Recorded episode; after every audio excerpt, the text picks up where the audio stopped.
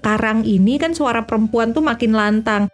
Nah, dengan makin lantangnya itu kan makin banyak yang terusik. Ya. Makin banyak yang terusik, makin banyak lah label yang dialamatkan kepada perempuan yang bersuara gitu. Iya. Man hating lah, SJW lah, dan lain sebagainya yang dengan mudahnya menghentikan langkah kita Iya. gitu.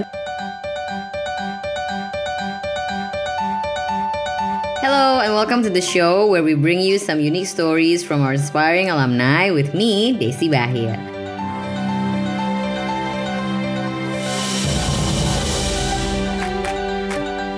Azalam Podcast is your channel to your global alumni network. This podcast is brought to you by the Australia Global Alumni Team in Indonesia.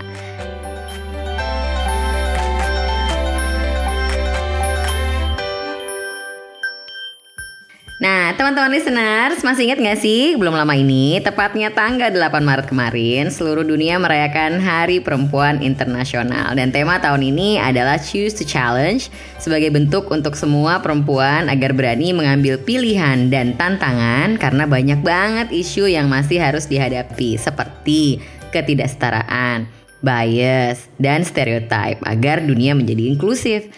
Di Indonesia, hal serupa juga diperingati setiap tahunnya, tepatnya tanggal 21 April atau lebih sering kita sebut dengan peringatan Hari Kartini. Makna Hari Kartini telah menginspirasi banyak sekali perempuan untuk terus berjuang melawan ketidakadilan dan diskriminasi.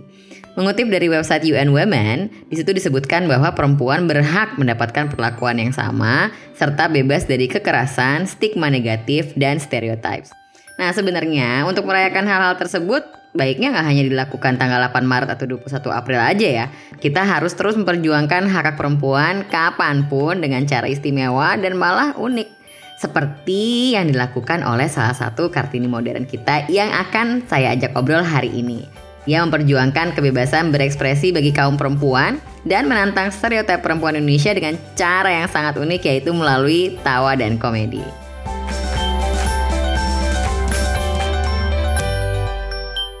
Past several years, we have been witnessing rise of women's voices.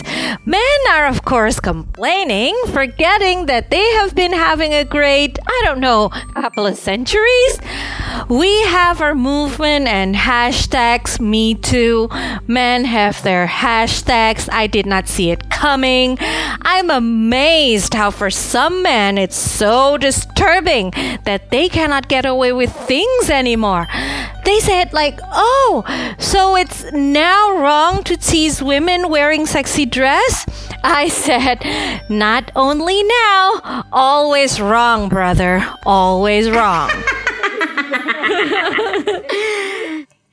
Halo dia, kita sambut Sadia Maruf. Hai. Mbak Desi, hai. Halo dia, selamat datang di podcast As Alam. Nah sebelum kita ngobrol-ngobrol, tadi kita kan dengerin klip tuh barusan. Itu klip apa sih pas kapan? Iya, cuplikan itu dari penampilan saya di Kosindi bulan Maret 2019 di Darwin. Nah sepertinya pesan-pesan atau konten-konten dia ini selalu mengangkat misi penting ya gitu. Ada selalu ada kritik sosial tentang keadilan, kesetaraan terhadap perempuan, kemudian juga kadang-kadang membahas mengenai Islam yang ekstrim gitu kan. Dan ini membawa dia dinobatkan sebagai perempuan inspiratif dan berpengaruh oleh BBC 100 Women 2018, BBC Cultural Frontline 12 Artists That Changed the World 2019 dan 2015 Vaclav Havel International Prize for Creative Dissent winner. Jadi banyak banget tapi semua itu kan pilihan ya gitu. Maksudnya aku tahu bahwa a lot of stand up comedian juga banyak mengangkat keresahan ya, kegelisahan gitu Ya, kan dalam betul, dalam betul. materinya gitu. Nah, berarti tema-tema tadi itu sebenarnya hal-hal yang meresahkan untuk dia makanya dipilih gitu. Iya. Sering dipakai menjadi konten. Betul, hal-hal yang meresahkan bagian dari aspirasi dan pemikiran saya, tapi bukan hanya hal yang meresahkan sesungguhnya, tapi hal yang sehari-hari saya hadapi juga. Hmm. Jadi gini Mbak Desi, saya itu sering ditanya, kamu kok membawakan isu-isu sensitif gitu. Mm-mm. Padahal persoalan yang sering saya bawakan di dalam komedi saya, misalnya pernikahan anak, misalnya kekerasan terhadap perempuan, misalnya konservatisme agama, dampaknya terhadap perempuan bagaimana, itu seharusnya bukan isu yang sensitif Harusnya gitu. ya. Jadi kalau dibilang, "Oh, kamu pemberani banget," misalnya gitu ya. Mm-mm. Itu merefleksikan dua hal menurut saya. Hmm, Satu apresiasi ya, saya menerima dan bersyukur dibilang demikian sebagai apresiasi terhadap apa yang saya sampaikan, karya saya dan sebagainya. Tetapi yang kedua adalah ketika oh ya pemberani sekali, keren banget nih isu kontroversial, isu sensitif dan sebagainya itu justru menunjukkan betapa isu-isu perempuan, isu-isu kehidupan beragama dan Hmm. sebagainya itu masih luput dari perbincangan kita gitu. Iya. Apalagi isu perempuan kan urgent banget itu, Iya. masih luput dari perbincangan kita sehingga kalau ada yang ngomongin tuh dibilangnya wow, Wow. gitu, dibilangnya wow Iya. padahal yang namanya perempuan itu kan separuh dunia Iya. ini gitu. Separuh dunia ini kok ngomongin perempuan dianggapnya isu sensitif, masih tabu gitu. Iya iya iya. Jadi sebenarnya itu mengimplikasikan bahwa it's not being talked about enough. Jadi Iya, mungkin pengennya sampai isu ini nggak lagi dibilang sesuatu yang unusual gitu ya, akan terus dibicarakan ya berarti ya oleh akan dia. terus dibicarakan nggak hanya setahun sekali well setahun tiga kali lah paling nggak kalau di Indonesia International Women's Day Hari Kartini dan Hari Ibu gitu. Eh, bener banget, bener banget. Nah, tapi kan ini ya, ini kan menarik ya. Maksudnya karena kan jejak kiprah performance-nya sebagai komika tadi kan juga banyak mengantarkan ke gerbang-gerbang lain ya, bukan hanya event-event yang seputar komedi gitu ya. Dan ini juga sejak tahun 2016 aku tahu kayaknya dia banyak banget penampilan di Australia gitu kan, baik sebagai komik maupun sebagai keynote speakers. Itu tuh gimana sih ceritanya? Why Australia of Iya. all countries? Kenapa kok seringnya malah ke Iya. sana gitu? seringnya malah ke sana. Dan dari sana dari berbagai macam Iya. event yang udah didatengin, yang paling berkesan yang mana sih? Oke, kenapa ke Australia tuh ada dua hal sebenarnya. Yang pertama diawali dengan saya mendapatkan apresiasi Václav Havel International Prize for Creative Design tahun 2015. Organisasinya namanya Human Rights Foundation dari Amerika Serikat yang memberikan yang ternyata juga berafiliasi dengan banyak organisasi di Australia. Kemudian juga berafiliasi dengan organisasi yang mempromosikan hak asasi manusia di Australia namanya Article 16. Article 16 itu kemudian menjadi beneficiaries atau menjadi penerima manfaat gitu dari satu annual gala dinner event yang diselenggarakan oleh satire group di Australia namanya The Chaser. One thing leads to another, akhirnya saya banyak berinteraksi dengan kelompok-kelompok komedi dan event-event komedi di Australia. Itu yang pertama. Tapi kemudian yang kedua, saya baru menyadari setelah banyak berinteraksi dengan komedi di Australia bahwa Australia itu menurut saya punya brand komedi yang sangat spesifik gitu. Tradisi satir di Australia itu berkembang pesat dan menjadi salah satu yang membentuk identitas komedi Australia. Ah, Sehingga kalau kita bicara misalnya oh iya demokrasi, keterbukaan tuh kita sering merujuk ke negara tertentu. Menurut saya negara yang salah satunya penting untuk dirujuk adalah Australia I gitu. Saya melihat betapa satire terutama political satire itu highly appreciated. Itulah mengapa akhirnya nggak hanya sekali nih datang ke Australia. Iya iya. Beda dong ya sama Indonesia ya. Eh, lumayan. Starting pointnya kan juga Indonesia tuh baru mulai stand up comedy marak itu kan di 2011 waktu itu kan eh, ada kompetisi stand up comedy di salah satu stasiun TV. Sedangkan Australia setahu saya sudah dari tahun 70-an 80-an. Oh wow, sudah sangat mature ya. Mm-mm. Artinya starting pointnya emang jauh Ya. gitu. Sehingga kalau mau ngomong komedi Australia dan komedi Indonesia kali serunya tuh ngomong apa yang bisa dipelajari gitu dari komedi Australia. Menurut saya yang bisa dipelajari Mbak Desi itu ada dua hal. Yang pertama adalah keterbukaan. Karena gini, saya pernah bekerja sama dengan The Chaser, kelompok komedi The Chaser di Sydney. Nama yang cukup besar di Australia. Ya. Yang menarik adalah The Chaser ini adalah kelompok komedi yang sangat terbuka mengkritik pemerintah gitu. Oh, ha-ha. Tidak hanya itu, tetapi mereka juga terbuka untuk mengkritik korporasi. Hmm. Yang di acara mereka terakhir yang bertahan sampai saya nggak tahu berapa season tapi banyak sekali namanya The Check Out itu benar-benar secara terbuka menguliti produk-produk. Oh. Jadi bener-bener kayak misalnya ada episode yang lucu banget tuh tentang vitamin ibu hamil tuh. Mereka bicara soal betapa ibu hamil itu dibombardir dengan sedemikian iklan vitamin dan susu ibu hamil gitu Iya. kan. Padahal yang paling penting dibutuhkan adalah misalnya asam, Asam folat, iodium dan Iya. sebagainya kayak gitu. Yang itu bisa didapat dari generik di apotek Iya. aja. Terus mereka kulitin tuh.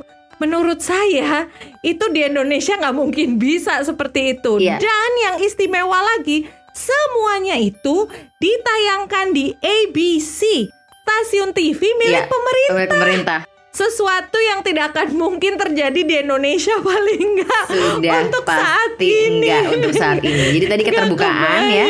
Keterbukaan, kemudian yang kedua adalah inklusivitas. Iya. Saya waktu itu tuh cukup kaget ketika mendapat kesempatan untuk partisipasi di Melbourne Comedy Festival. Iya. Yang jelas kaget bahagia iyalah gitu. Tapi kemudian setelah saya pelajari lebih lanjut di websitenya Melbourne International Comedy Festival, statement inklusivitas tuh jelas gitu. Kami adalah festival komedi yang inklusif, terbuka untuk siapa saja, tidak racist, tidak seksis, tidak bersikap diskriminatif terhadap disabilitas dan sebagainya itu tertera sebagai komitmen mereka sebagai salah satu komedi festival yang tertua di Australia. Iya, kemarin waktu episode yang lalu kan juga ngobrol ya mengenai the traits of Australians gitu kan ya in general gitu. Dan kata-kata ini inclusivity kayak gini tuh sering banget muncul gitu karena inclusivity tidak racist gitu. Jadi I think in many different realms gitu karena kemarin kita ngobrolnya soal tenis ya. Kan tenis ini Oh, komedi ya sama aja berarti ya sebenarnya bahwa ya emang di sana itu sangat penganut inclusivity gitu. Nah, tapi kalau kita bicara gitu kan ya, di sini kan ada stereotype lah mengenai komedian, probably ya. Dia sebagai perempuan berhijab, udah gitu keturunan Arab gitu kan. Kemudian hadirlah di panggung komedi membawakan isu-isu sensitif yang kayak begini tuh keluarga itu gimana? Iya. Ada barrier kah? Ada challenges kah gitu Iya. dari keluarga? Kalau saya biasanya bilangnya kayak gini. Oh keluarga nggak apa-apa, nggak ada yang protes, orang nggak tahu. saya memulai karir komedi ini tanpa sepengetahuan orang tua. Ya. Bayangkan tampil di national TV tanpa sepengetahuan orang tua. Untung national TV-nya waktu itu national TV yang masih baru loh Mbak Desi, jadi sinyalnya belum sampai Oh, ke belum kampung nyampe. saya. Tapi as time goes by ya, ya pasti ketahuan gitu. Kemudian ketika ketika makin serius, barulah kerasa penolakannya. Kalau posisi yang sekarang akhirnya silent disagreement ya. Oh, baik. Agree to disagree gitu ya. disagreement. Karena gini Mbak Desi, saudara-saudara kita yang konservatif itu itu kan konsisten sesungguhnya gitu. Iya. Salah satunya adalah bahwa perempuan itu tidak memiliki dirinya sendiri. Jadi perempuan tuh kan hak milik gitu. Hmm. Dia dipindahkan saja dari, Dari custody, ayahnya. eh, eh, kan guardianship itu Iya, kan. benar. Kemudian dipindahkan ke tangan suaminya gitu. Ya. Nah, jadi saya mendapatkan suami yang sangat mendukung, alhamdulillah. Seperti suami saya itu kayak menang lotre jadinya, dan itu bisa jadi kuncian banget gitu.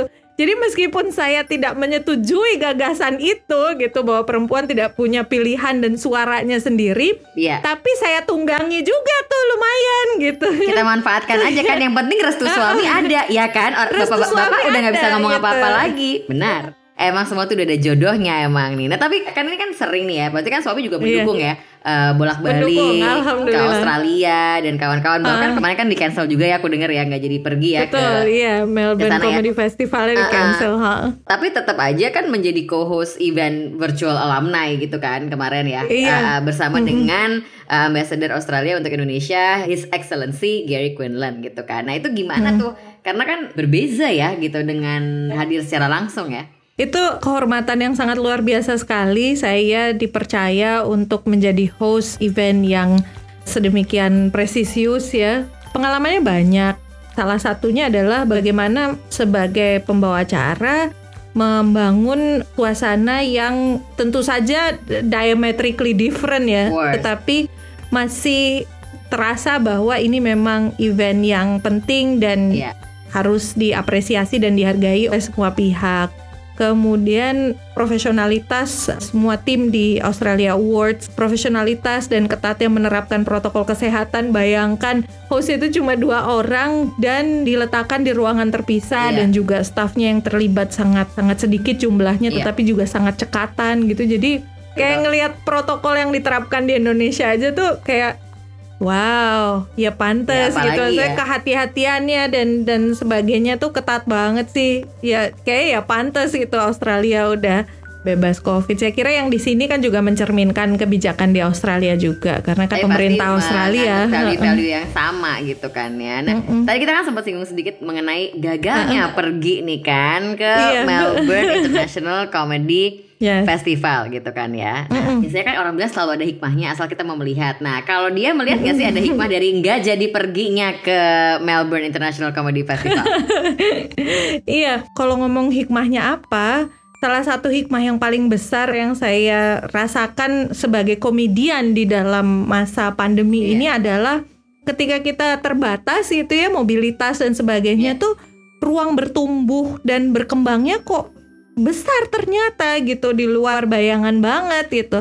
Misalnya begini, saya dengan brand saya atau dengan misi pesan yang saya bawa tuh fokus kepada isu-isu perempuan dan juga isu-isu ekstremisme konservatisme gitu ya. Iya. Nah, karena alhamdulillah sudah dapat misalnya international exposure juga kayak gitu ya. Banyak apresiasi salah satunya juga dari Australia itu kadang-kadang membuat kita sebagai kreatif itu terkotak tuh.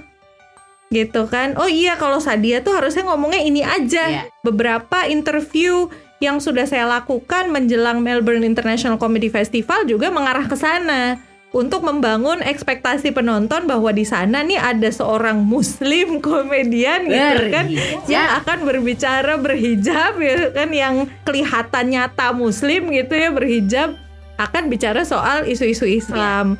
Nggak apa-apa karena itu juga bagian dari keresahan saya. Iya. Itu memang pesan saya, komedi saya. Nah, tetapi selama pandemi ini di luar bayangan ya, kesempatan bertumbuh dan berkembangnya tuh besar banget. Saya jadi bisa eksplorasi misalnya saya bekerja sama dengan salah satu serikat pekerja gitu ya, ngomongin soal isu-isu pekerja di masa pandemi misalnya. Bicara soal, oh iya, pandemi ini mengubah status dari pekerja lepas jadi pekerjaan lepas gitu. Kemudian juga eh, bekerja sama dengan beberapa organisasi lingkungan, misalnya kan kita ngomongnya, oh iya orang-orang sekarang masa pandemi itu peduli lingkungan ya. Ini peduli lingkungannya beneran gak sih? Kalian tahu nggak kenapa namanya tuh cocok tanam gitu, bercocok tanam ini kan banyak ya selama Ah, pandemi. ah. Namanya tuh cocok tanam karena kalau cocok ya ditanam terus, kalau nggak cocok paling nggak udah diunggah ke media sosial gitu. Kemudian juga ada kesempatan untuk berbicara lebih serius dan lebih mendalam Iya. soal isu-isu kekerasan terhadap perempuan.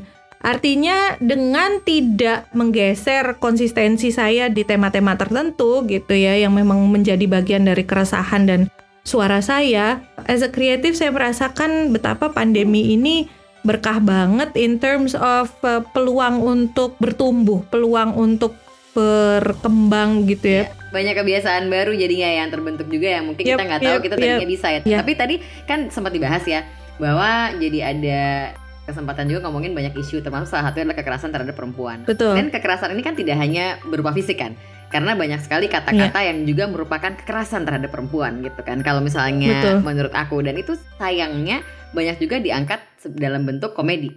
Sexist jokes gitu kan ya untuk Yes. perempuan gitu. Itu kan sering Iya. banget kita dengar dan kok kesannya kayaknya harus diem aja kayak it's a stereotype yang wajar gitu bahwa perempuan tuh Uh-uh. dijadikan objek untuk sebuah sexist joke. Nah, what do you think of this Iya. gitu sebagai yang membawa ya isu kesetaraan gender dalam komedi? Iya. Bayangkan Mbak Desi, saya itu pernah berada di satu situasi di mana ada seorang bapak gitu ya yang posisinya sangat tinggi di kantornya memberikan sambutan untuk sebuah acara. Acara itu dihadiri oleh banyak ibu-ibu juga perempuan. Salah satunya dari organisasi sosial yang sudah lama berdiri dan beraktivitas di Indonesia. Nah, beliau dengan tanpa ragu gitu ya. Oh, ibu ini dari organisasi So and So ya. Padahal organisasinya sudah lama loh di Indonesia. Tapi kok ibu masih kelihatan muda banget? Saya kira sudah turun mesin. Iya. Nah, menanggapi yang Mbak Desi bilang tadi, kita harus apa? Iya. Posisinya kan akhirnya power relation ya. Iya. Relasi kuasa yang tidak seimbang sering kali yang kita hadapi di acara-acara atau di tempat kerja dan sebagainya itu atasan yang bicara seksis kepada bawahan. Terus sering kali tuh kita sebagai orang Indonesia tuh kayak meskipun kuping panas tuh kan hati adem ya. Iya. Nah itu kan khas kita banget gitu. Iya, kuping benar. panas hati adem terus giggling. Jangan gitu toh Pak kayak gitu Ah, ah. misalnya gitu ya. Jadi kalau menurut saya kan sebenarnya rumusnya sederhana. Ini yang saya pelajari di panggung ya. Kalau komedian itu ngelempar joke, kemudian penonton diam berarti itu tidak lucu. Wah. Komedian ngelempar joke, penonton tertawa itu, Itu berarti lucu. Itu kan udah udah no brainer kan Iya. emang sedemikian gitu. Sehingga kalau di lingkungan kerja, di lingkungan events dan lain sebagainya tuh seharusnya juga bisa dipraktekkan. Iya. Artinya kita juga nggak perlu giggling gitu. Kita, juga nggak perlu giggling. salting-salting ketawa-ketawa awkward gitu ya. Mm. Jadi kalau misalnya menunjukkan keberatan secara langsung tidak bisa karena relasi kuasa yang tidak memungkinkan, kalau kita diam ya sama seperti stand up comedian juga. Iya benar. Nah ini kan I think eh, apa ya maksudnya pasti kan dia juga pengusung kesetaraan gender gitu kan ya pastinya ya dari materi-materi yang disampaikan dari obrolan tadi kita juga udah sangat kelihatan gitu. Nah kan sekarang punya anak nih ya dengan pemikiran-pemikiran yang sudah ada sekarang. Apakah itu sudah mulai ditanamkan ke anak dari sekarang mengenai gender equality? Ya saya ngaku aja gitu, bukan yang one of those inspirational mom. Kadang-kadang anakku juga baru mandi jam 12 siang.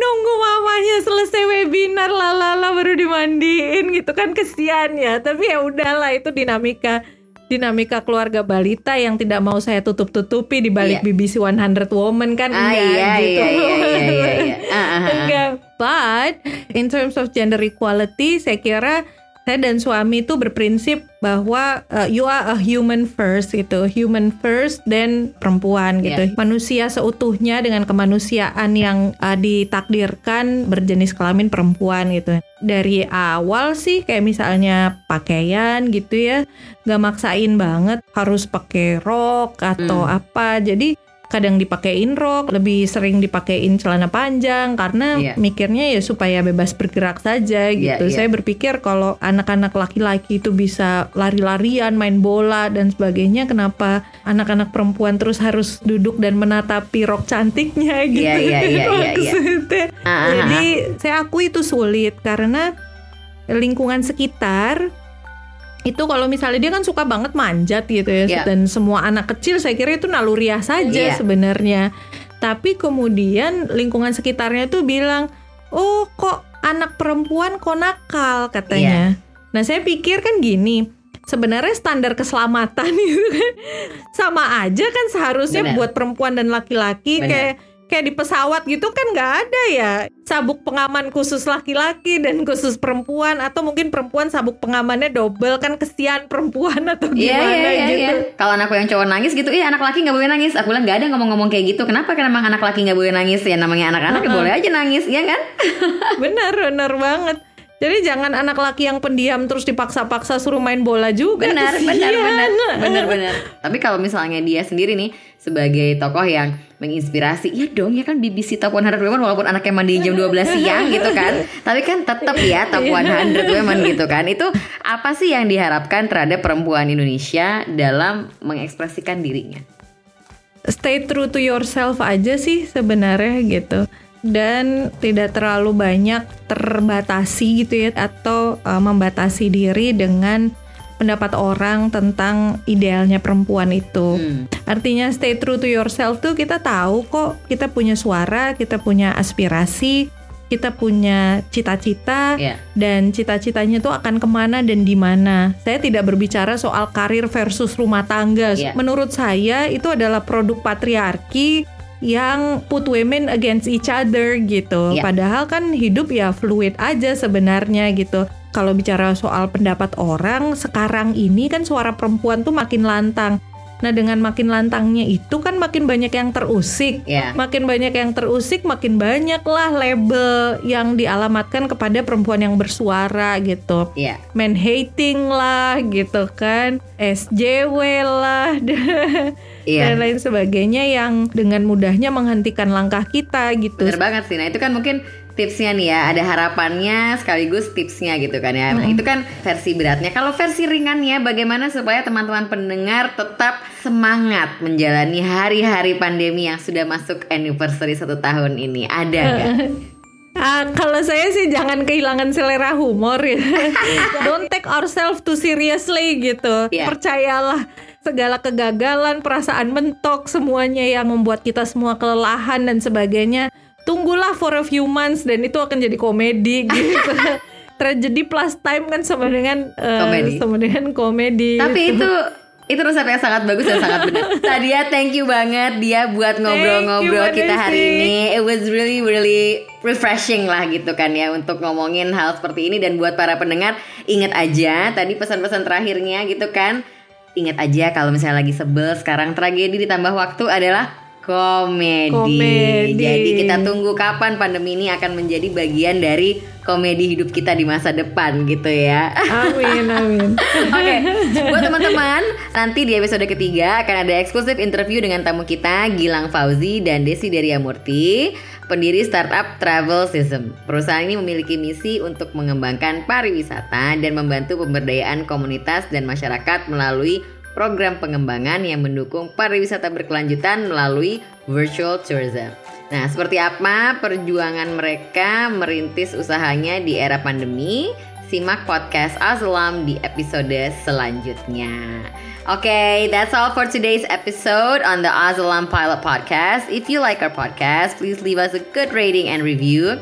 And if you want to stay connected with our alumni networks and stay up to date with our alumni events, you can subscribe to our Australia Global Alumni Weekly updates and join our Australia Indonesia Alumni Forum on LinkedIn. The links are in the show notes. See you back here in May. Terima kasih banyak sudah mendengarkan. Saya Desi Bahir. Bersama saya Sadia Maru. Sampai ketemu. Bye. Bye.